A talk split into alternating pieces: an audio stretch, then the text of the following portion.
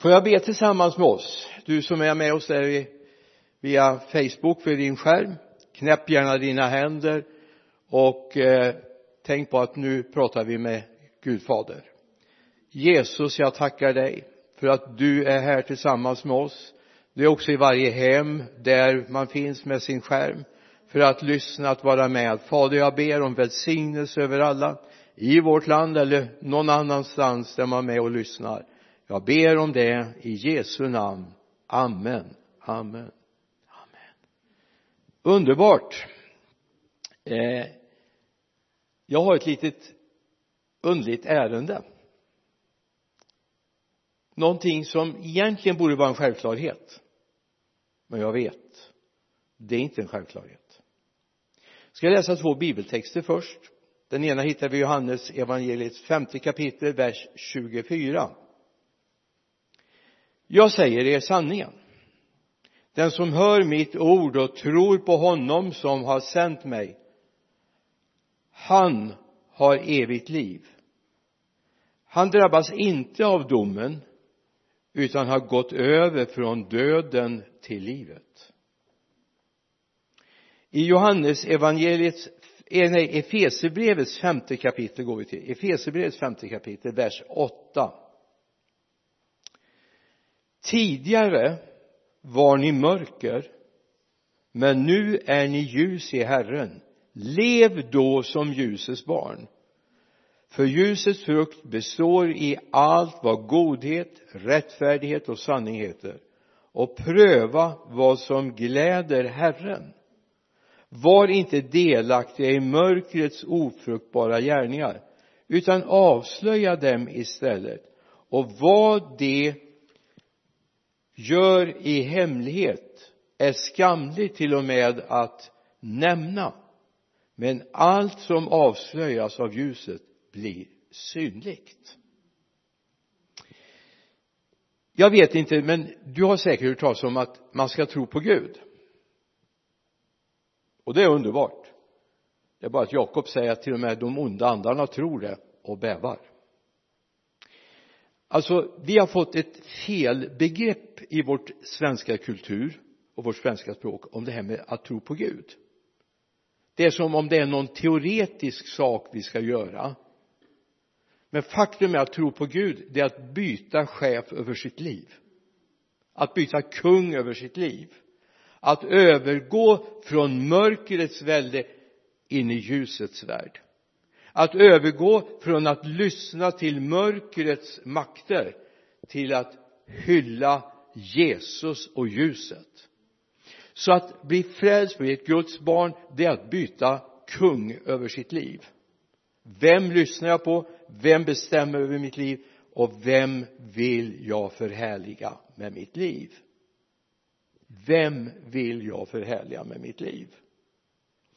Det är inte mig själv det är inte ens gruppen jag hör hemma hos utan det är honom som jag ska förhärliga.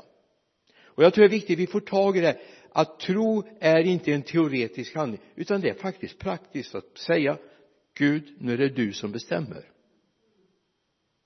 Det är dig jag lyssnar på. Det är dig jag vill följa. Det är dig jag vill förhärliga med mitt liv. Jag har ju hållit på med själavård i snart 50 år. Mera medvetet. Och jag möter så oerhört många människor som å ena sidan vill de höra Gud till. De vill vara frälsta, de vill vara Guds barn. Inget snack om saken, de vill vara det. Å andra sidan har aldrig någon sagt till dem att om du är Guds barn så är det Gud som är kung över ditt liv. Och det är han 24-7 han är det 24 timmar varje dygn, han är det sju dagar i veckan och han är det alla årets veckor. Han är kung, jag byter inte kung utan jag bestämmer mig för att det är honom och då får den andra ge vika och lämna mig. Så det jag vill tala med oss om ikväll det är att byta herre över våra liv. Inte bara säga jag tror, jag eh, håller för sant. För tron som vi talar om i den bibliska prestige det, det talar inte om det här att hålla för sant utan det är att överlåta sig till. Att göra honom till herre över sitt liv Låta honom flytta in ta över alla timmar på dygnet alla tillfällen både när jag är väldigt religiös i kyrkan och när jag lever ute i vardagen. Han är herre över mitt liv även då. Så jag har ingen liksom sån här paus knappt nu pausar jag mitt kristna liv. Utan det är alltid påkopplat. När vi startade med internet för många år sedan då hade man modem som sådana här uppringda modem. Och så precis man hade efter många minuter helt plötsligt fått upp den där hemsidan så var det någon som tog telefonluren någonstans och bröt och så föll sidan ner och sen hade man då modemet bara på på den stunden när man skulle ut på nätet. De första ADSL-uppkopplingarna och så vidare. Sen har vi lärt oss att idag om du har internet så ska du helst ha ditt modem på alltid. Och jag funderar på varför då? Jo det var någon som sa till mig det är då som de graderas upp uppgraderingarna sker på nätterna när du ligger och sover. Och kommer du till ditt modem ska du se att det står och blinkar på nätterna också. De där gröna lamporna. Då händer det någonting i ditt modem eller i din router. Så är det med Gud. Han är på hela tiden. När du sover när du är vaken när du jobbar när du är ledig Gud är hela tiden uppkopplad mot dig. Om du har valt att vara uppkopplad mot honom. Vilket gör att Gud faktiskt vill ha tillträde till ditt liv 24-7 för han vill att du hela tiden ska få vara nära honom. Han vill att du ska få den sista informationen ifrån Guds nådatron. Gud vill att det som finns i hans hjärta ska också komma in i dig. Men då måste du vara klar över yes Gud. Jag är ditt barn och det är du som bestämmer över mitt liv. Ibland är vi ju som små barn. Eh, ni har ju aldrig drabbats av med era unga förmodar jag men vi hade det ibland. Även om jag tycker vi hade fantastiska barn vi konstaterade det här om dagen. Eh, ja, det var faktiskt i tisdags tror jag vi konstaterade om det var här på morgonen till och med att våra barn vi, vi behövde aldrig ha några stora bekymmer. Vi behövde aldrig plocka undan någonting för de rörde aldrig någonting. Jag vet inte varför. En var de jätterädda för mamma och pappa? Förmodligen. Eh, så de passade sig för att röra grejer. Och så hade vi dagbarn och då fick vi röja undan. För eh, då var det rensat. Allt som var i barnens höjd rensades. Men våra barn var våra barn? 24-7 våra barn var våra barn. Alla timmar på dygnet. Alla dagar i veckan. Så är du, du är Guds barn alla timmar på dygnet. Du är Guds barn alla dagar på året.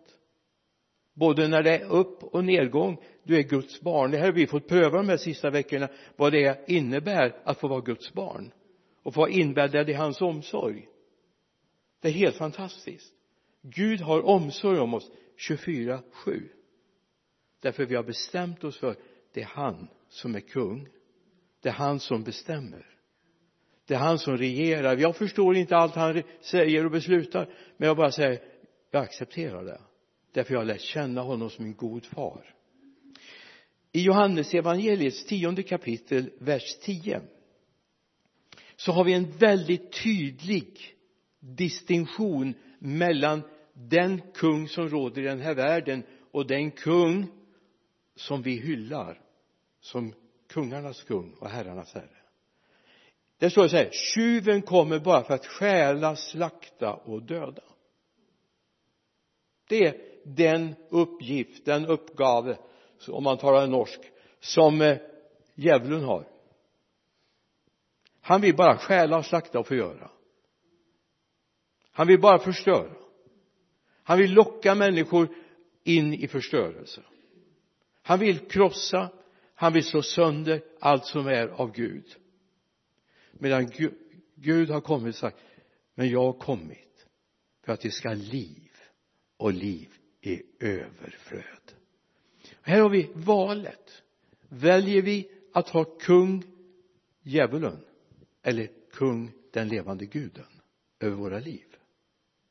Alltså när jag blev frälst så var det inte bara att jag bestämde mig för att tro på Gud på det vanliga västerländska sättet utan jag bestämde mig för att göra honom till kung över mitt liv, herre över mitt liv. Och han får vara det varje timma på dygnet. Jag får alltid komma till honom. Det är aldrig någon telefonsvarare som säger att återkom senare det är för många som ringer nu. Jag har aldrig varit med om det när jag bett till Gud. Aldrig har jag hört honom säga du får återkomma senare. Han har alltid tid. Om du kommer mitt i natten du kommer tidig morgon, sen kväll eller mitt på dagen aldrig är det paus. Han har alltid tid. Det är en sån Gud vi har. Det är han som ska vara herre över vårt liv. Och då ska han också få vara med och bestämma över våra liv i första Johannesbrevet står det i vers 19 och vers 20 första Johannes 5, 19, 20 vi vet att vi är av Gud. Det är väl underbart va? Vi vet att vi är av Gud. Och att hela världen är i den ondes våld. Men vi vet att Guds son har kommit och gett oss förstånd så att vi känner den sanne och vi är i den sanne i hans son Jesus Kristus. Han är den sanne guden och det eviga livet. Vi är i Gud. Men hela världen är en ondes våld kosmos blir kaos. Kosmos det är begreppet för världen. Hela världen är skapad av Gud hela jorden är hans säger psalmisten. Och allt vad därpå är hans. Men det har kommit en annan regent in över den här skapelsen. Den är ockuperad under djävulen. Därför är den i den ondes våld står det. Och det ser vi. Jag menar när vi slår upp nyheterna tidningarna eller slår på tv-nyheterna så är det inte så mycket av Gud. Men det är mycket av den andra herren skjutningar missundsamhet avund knarkaffär etc etc gängbråk. Det är den här världens första. Det är därför vi finns. Som församling. Vi är här för att bryta djävulens makt. Därför vi har bestämt oss för att han som regerar våra liv det är Gud fader vi har bestämt oss för det. Vi har bytt herre över våra liv. Det är inte bara att jag blev frälst jag beslutar också för att det är Gud som ska regera i mitt liv. Det gick väl lite knackigt de första tiden det ska ärligt erkännas. Men jag tycker det har tagit sig. Gud jag har blivit mer lyhörd för Gud. Men det är viktigt att vi beslutar oss för den här världen har jag inget med att göra. Jag leker inte med den här världen jag kompromissar inte med den här världen. Därför den är den ondes håll. Jag skulle aldrig kompromissa med djävulen. Utan jag går med Gud. Och frälsning handlar om att göra totalt rent med den här världen och ge sig till Gud. 24 timmar varje timma på dygnet varje dag i veckan varje vecka på året. Om det är sommar, vinter, höst eller vår så går jag med Gud det finns ett antal exempel i bibeln som är jag är helt fascinerad av egentligen om man tänker på det. Alltså utgångspunkten för en del av de här var ju inte så särskilt bra. Ta Petrus Simon. Han var inte lyckad. Han var lite för mycket på. Och fast han var, hade lovat Jesus att du vet om alla andra svikar ska inte jag svika dig. Vad händer? På översteprästens gård. Vad händer där? Han förnekar all kunskap om Jesus. Han förnekar all kunskap. Och så säger hade Jesus sagt till honom du Petrus innan hanen har galit eller tuppen har galit så ska du tre gånger ha förnekat mig. Jesus visste vilken kvalitet det fanns i Petrus. Han visste det. Men när det här hade hänt och han drog sig undan vad säger Jesus när han möter de andra lärarna? Hälsa särskilt Petrus. Hälsa särskilt Petrus. Det var inte förbannelse det var inte evig fördömelse utan vad förlåtelse och upprättelse det är Jesu natur.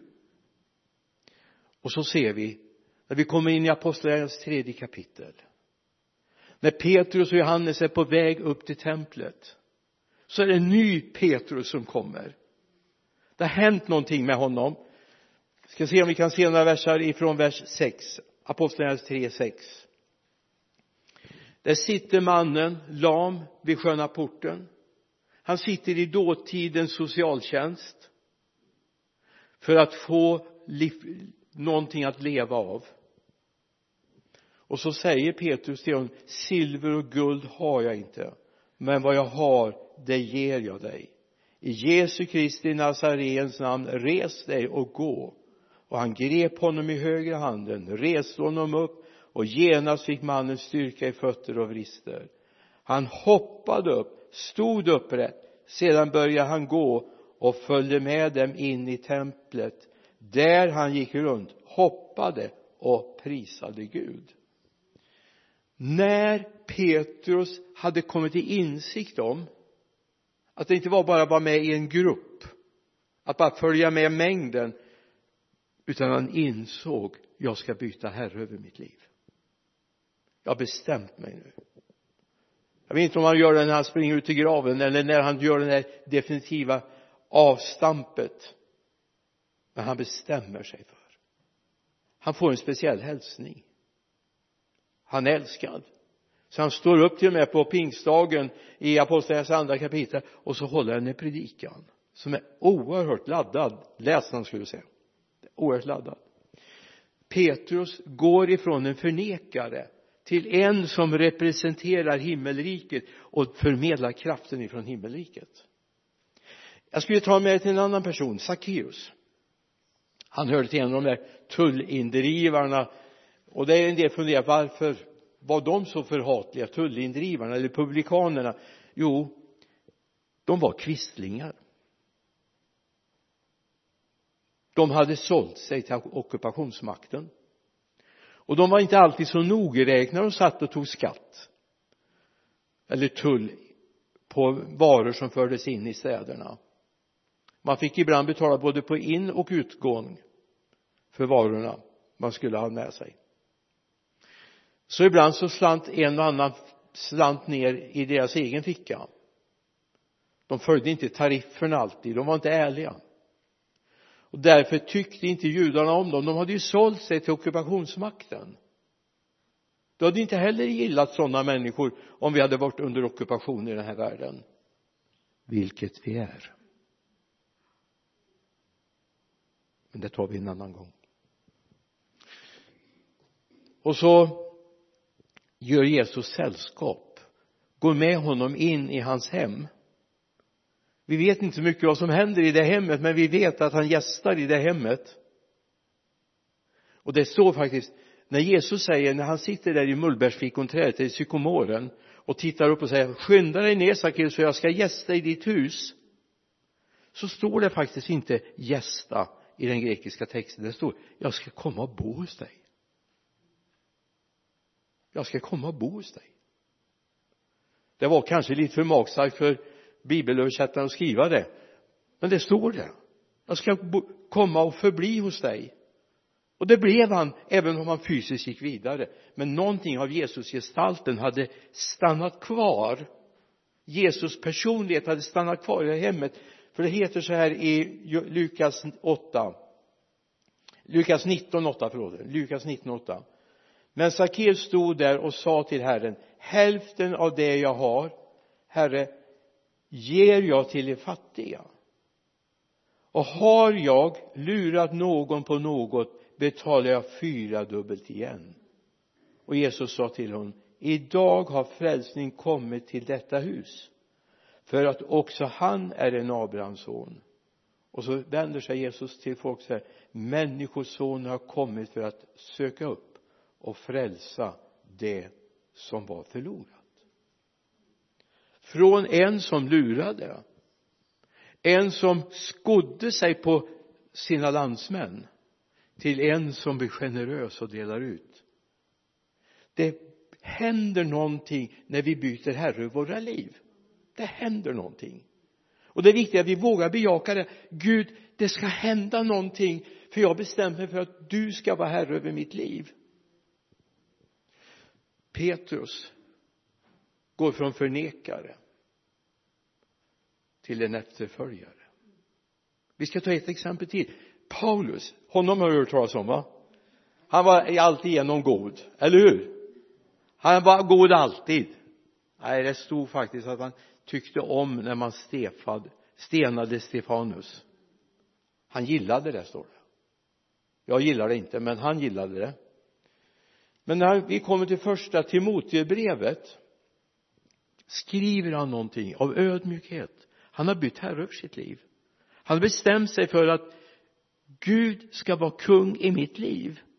Det är han som ska leda och bestämma över mitt liv. Och då står jag i vers 12 vi läser några verser framöver sen.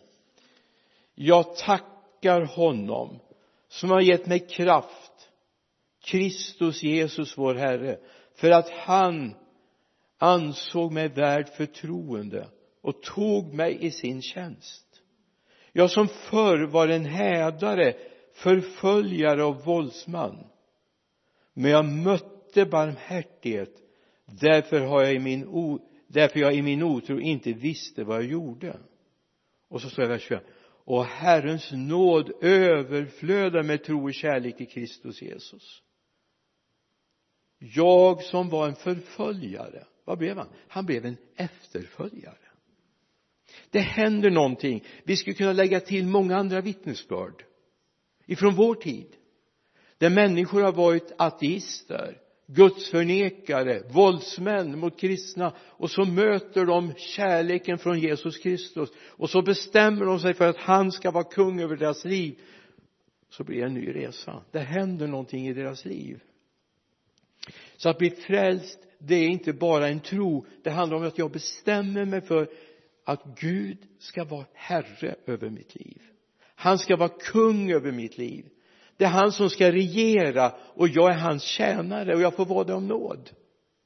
Och han vill att hans tjänare faktiskt ska vara med och göra någonting för hans rike. Gud har inte tänkt att vi ska ha en eh, åskådarläktare där människor sitter och applåderar utan han vill ha med alla ute på spelplanen. Förstår du? Du också ska vara med där och tjäna honom med den nådegåva Gud lägger ner hos dig. Den tjänst Gud erbjuder dig. Då ska du bara säga tack Gud för att du ansåg mig förtroendevärd. Tack Gud för att du ansåg mig förtroendevärd att få vara med och tjäna dig. Att bli frälst. Jag byter herre men jag byter också väg jag byter inriktning. Jag gjorde det på ett antal områden när jag blev frälst. Jag bytte till och med vänkrets. Ja de slängde ut mig i princip från den vänkretsen. Men eh, vi blev vänner sen. Jag bytte mål för mitt liv. Och det står ju i Johannes 14 och 6 att Jesus säger jag är vägen, sanningen och livet. Jesus är vår väg. Han är vår herre och han är vår kung men han är också vår väg. Det är honom vi följer, det är honom vi går tillsammans med. Vi skulle kunna säga det är honom vi går i. Amen. Du vet när du ska åka någonstans säg att du ska åka kollektivt. Då går ni i resecentrum här. Och så står det två tåg där nere. Ett går upp mot Mariestad Kinnekullebanan och det ser lite risigt ut. Men du ska till Mariestad och så står det en rälsbuss går åt andra hållet. Den var faktiskt modernare. Den går ner mot Herrljunga. Men du kan ju inte välja den bara för att den går till, ser bättre ut. För då kommer du till Herrljunga. Ja men det är inget fel på Herrljunga men det var inte dit du skulle. Du skulle ju till Mariestad, eller hur? Eller upp till Gårdsjö Hallsberg som den landar i så småningom. Ibland kan vägen få vara lite knölig för oss. Visst. Men jag väljer den vägen för att målet är rätt. När jag stod i brottningskamp vad jag skulle göra med mitt liv så hade jag en guldkantad framtid framför mig. Bekostad utbildning löfte om ett chefsjobb. En lön som var långt över min pappas lön. Jag visste vad min pappa tjänade och den här var tre gånger pappas lön. Månadslön. Det skulle jag få som nykomling till det företaget efter att de kostat på mig utbildning. Och så hade jag en annan kallelse. Och det blev bli evangelist den var bara en bråkdel av min pappas lön. Det var en brottningskamp. Men jag valde för jag ville gå med Gud. Jag hade ju bestämt mig för att han skulle vara herre över mitt liv. Och då frågade jag honom och han sa du ska gå den där vägen den, den är lite knölig men du ska gå den. Den går rätt. Och det här påminner mig om ett bibelord som vi läser i Matteus 7 vers 13 gå in genom den trånga porten den port är vid och den väg är bred som leder till fördärvet. Och det är många som går fram på den. Men den port är trång och den väg är smal som leder till livet. Och det är få som finner den. Då har jag bara en fråga så här har målet för ditt liv betydelse? Har målet för livet betydelse? Eller är det bara nuet som betyder någonting? Nu, nutidsmänniskan hon vill bara bekymra sig för nuet. Bara ha det enkelt. Smärtfritt. Gärna tjäna mycket. Gärna ha mycket att röra sig med. Jag hoppas att målet är viktigare.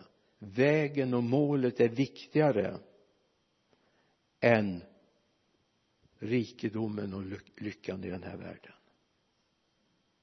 Vi har ju fått inse att livstråden kan klippas så oändligt mycket snabbare än man anar vi tänker så här, vi som är gamla då ja men vi är ju snart framme. Men det kan man vara betydligt tidigare. Och då är det viktigt att jag vet vart jag ska med mitt liv. Vem Gud har kallat mig att göra, vad Gud har kallat mig att göra. Gud har kallat dig att byta herre över ditt liv. Inte bara tro på Gud. Det är underbart att tro på Gud. Men det är bara att det här västerländska sättet att tolka tro är liksom att det är någonting jag gör teoretiskt. Men tro är faktiskt handling.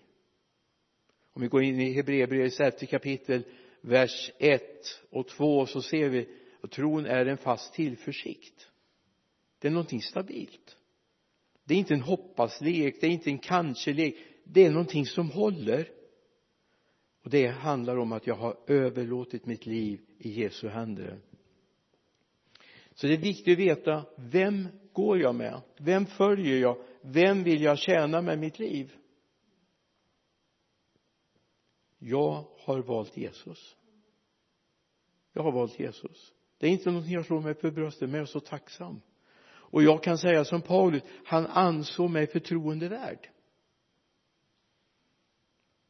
Jag menar hade han läst mitt CV det hade han säkert gjort. Så fanns det så mycket i det CVet som gjorde att jag hade inte platsat. Men Gud hade nåd. Jag bestämde mig. Jag vill följa dig. Och jag vill göra det 24 timmar sju dagar i veckan 52 och en halv vecka varje år. Varenda dygn. Jag vill vara med dig Gud. Och det är jag oerhört tacksam för. Jag vet vart jag ska med mitt liv. Jag vet vad målet är. En del av resan har varit knölig. Ja. En del har varit besvärlig. Ja. Men målet hägrar. Ska vi be tillsammans? Jesus jag är ändligt tacksam för att jag får vara med dig tjäna dig och jag ber herre att varenda en som har följt den här sändningen som finns här i kyrkan ikväll ska besluta sig för att byta herre över sitt liv. Jag ber om det i Jesu namn. Amen. Amen. Jag skulle vilja skicka med dig ärligt vem är kung i ditt liv? Vem bestämmer egentligen. Det finns så mycket kraft det finns så många som vill komma åt våra liv. Vill påverka oss. Men det är viktigt att du har bestämt dig för att det är han som är här i ditt liv. Du kan inte ha två herrar. Det säger också Jesus. Då kommer man älska den ena och hata den andra eller tvärtom. Men en gör anspråk på han vill äga dig han har rätten till det. Han har skapat dig. Och du är hans. Det skulle vi vända ut och in på oss djupast in så står det någonstans i varje människa. Made in heaven. Gjord i himlen. Tillverkat i himlen. Det är bara att djävulen ockuperat tagit över många människor. Och vi har börjat lockas av det som finns i den här världen. Och det kan vara på olika nivåer men var ärlig och jag vill bara skicka med dig ikväll. Vem är egentligen här i ditt liv? Vem är det du talar med på morgonen? Vem är det du talar med på kvällen? Vem talar med dig? Den som har en chef som aldrig pratar med sig det är lite dålig chef. En chef pratar med oss. En kung som älskar sitt folk han pratar med oss. Han vill prata med dig nu ber jag herre att det här ska få landa djupt djupt in i våra hjärtan. Herre att vi inte bara har en ytlig tro att vi håller för sant att du är. För vi, vi är helt övertygade om att du finns Jesus. Men vi vill följa dig. Vi vill att du ska vara herre över våra liv. Jag ber om det i Jesu namn. Amen. Amen. Amen. Amen. Gud välsigne oss. Jag finns kvar här och så har du möjlighet att dela fika gemenskapen med oss. Välkomna.